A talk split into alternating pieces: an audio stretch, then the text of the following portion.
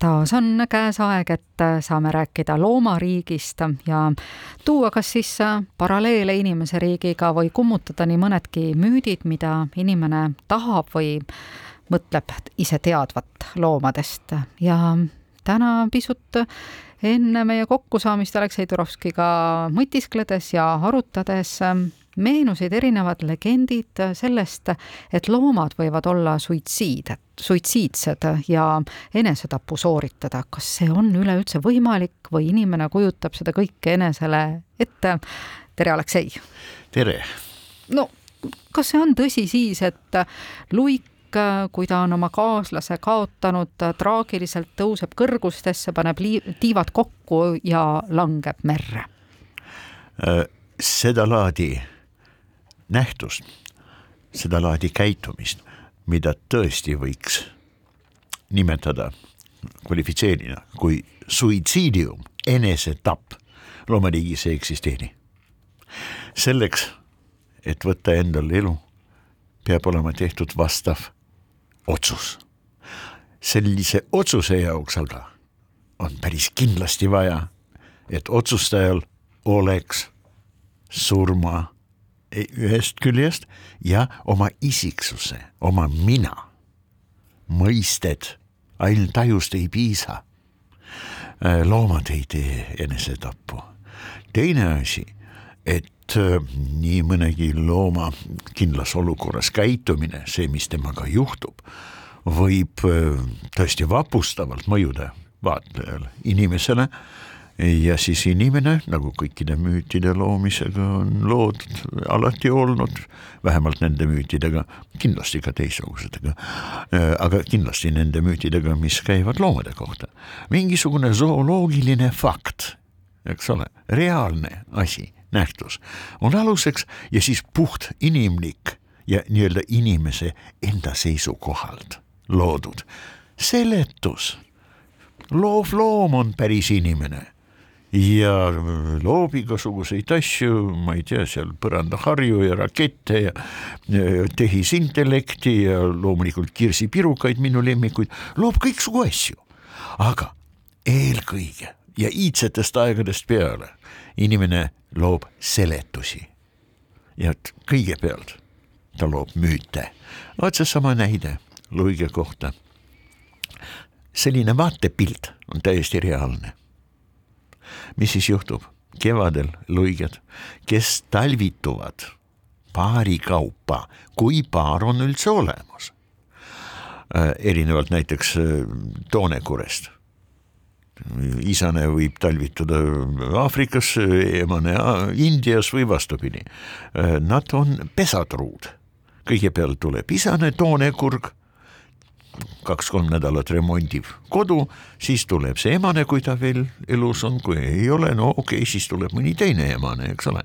ja sellest me praegu ei räägi, lõiged tulevad, kui on paar olemas just nimelt kahekesi ja nad lendavad madalalt viis-kuus, no võib-olla üheksa, kümme, üksteist meetrit maa kohal, see on siis kuskil märtsi lõpp, aprilli algus või isegi aastad pole vennad, varemal ajal, aga igal juhul kevadel, vot nad tulevad lennates nii lähestikku, et nende tiivade otsad peaaegu puutuvad teineteist. Nüüd inimeste seas on väga palju korralikke toredaid tegelasi muidugi on väga palju, kuid on ikka uskumatuid pätte. ma ei saa selliste inimeste kohta öelda, et nad on tõbrad, mul oleks loomade eest häbi sedasi öelda. tal on püss sel mehel ja loomulikult haavlidega laetud, eks ole, ja ta näeb neid linde ja ta laseb. kuna linnud on väga lähestikku, kuid lastakse maa alt ja kindlasti nurga all, siis suuremat osa haavlite laengust saab üks nendest, kas see on emane või isane, kes seda oskab öelda, mitte keegi ei oska öelda ja see on juhuse asi. olukorra ja, ja juhuse äh, nii-öelda äh, mä, määratud asi. nii et üks lind sureb kohe. teine on surmavalt haavatud, aga tal on veel jõudu põgenemiseks ja kui maa peal tuleb selline löök, kuhu ta põgeneb, loomulikult taeva poole. Ja siis ta karjub. ja inimene seletab seda nii, loik üldse teeb häält ainult sellises olukorras, luige laul. tegelikult luik tõesti karjub, kui tal on selleks veel siiski natukene elujõudu, eks ole, aga ta karjub bloody murder, tapetakse, kuulake kõik, siia ei tule. no ja siis loomulikult kukub maha surnuna, sest ta oli väga lähedal oma kaasale, kes see ka ei oleks olnud, isane või emane. nii et ta sai parajalt neid haavleid. näete, vot see on reaalne olukord ja puhtinimlik selle väga dramaatilisele sündmusele interpretatsioon. Äh, no näiteks väga kuulus lugu noh, Kesk-Aasias, Tsentraal-Aasias, Indias, oi, väga paljudes kohtades seal, kus skorpionid on vaata et noh, peaaegu koduloomakesed. igal juhul neid on seal palju. ja inimesed tunnevad neid iidsetest aegadest ja no suhteliselt hästi äh,. inimestel no nagu väga paljudel laafidel on vahest vot selline vastupandumatu õel tung tekitada valu, vot selline, selline sadistlik, eks ole, vot impulss, soov. no ja loomulikult me teame ju, esteetiliselt kõige võimsamalt mõjub huvitav korrutis. vägivald korda seks, seks korda vägivald, noh vaadake kinotoodangut, eks ole. Mitte ainult. nii et mida teeb siis inimene, kellel skorpioni on noh, ma ei tea, iga viienda kivi alt võtta, äh, paneb hõõguvatest söödest ringi skorpioni ümber ja siis hakkab seda ahendama, eks ole, skorpionile aina lähemale, hõõguvad, jah, noh, põlevad praktiliselt. Sööd, jah, hakkab nihutama et skorpion sooritaks enesetapu. skorpion püüab teha ennast minimaalse, väikseks, no nii väikseks, minimaalseks oma keha pindala.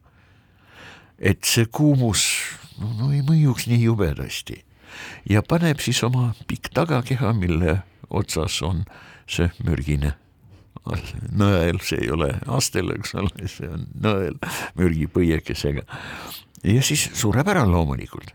inimene aga otsekohe annab kõikidele teada.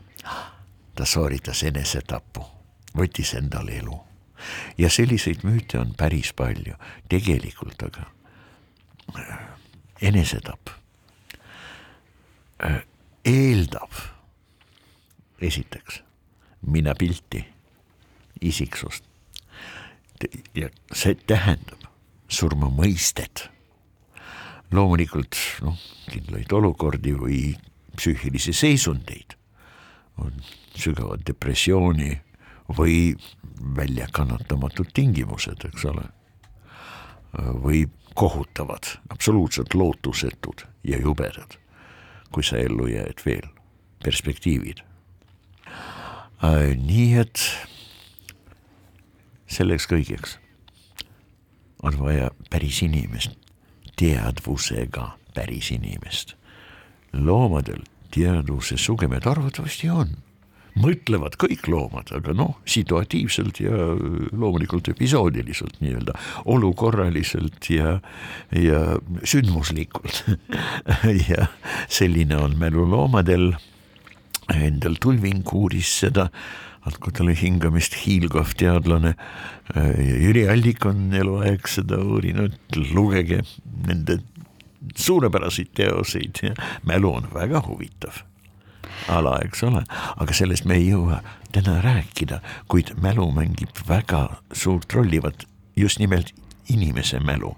me suudame minevikus rännata meil on selline mälu, kuna meil on teadvus, arenenud teadvus, eks ole. me suudame oma peas, aga minevikus rännata. loomad tegutsevad, no toetudes kogemustele. kuid see on siiski teine olukord kas teatud situatsioonis, kui on teatud olud, kas äh, rasked, keerulised, äh, ma ei kujuta ette, katastroofilised ilmastikud, olud, siis mitte nii, et loom seda nüüd oma tahteavaldusena teostaks. organism ennast kuidagi hakkab vaikselt välja lülitama või, või populatsiooni vähendama, nii nagu loomad oskavad no, reguleerida ette, seda. kujutage ette olukord, kus loom satub nii-öelda ajendite või märkide, mis suunavad seda või teist no või erinevaid käitumise vorme ja kiiresti ette võtma, eks ole. ja vot nende märkide konflikti olukorda satub loom, vot ta on väga kõrge kalju otsas ja vot kohe tuleb, no mõni kaljukits, kohe tuleb tema juurde, kohe saab teda, eks ole. ma ei tea kotkas, kui see on väga noor loom, eks ole, kotkad äh, lükkavad äh, talled. Kuristikku ja mitte ainult talled. Või lumeleopard.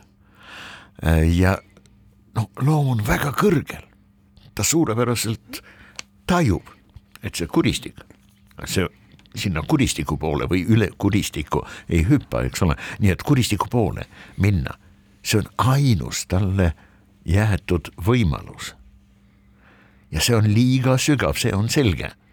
kuid reaalne lumeleopard on siinsamas ja siis see kits või sokk või lammas hüppabki kuristikku.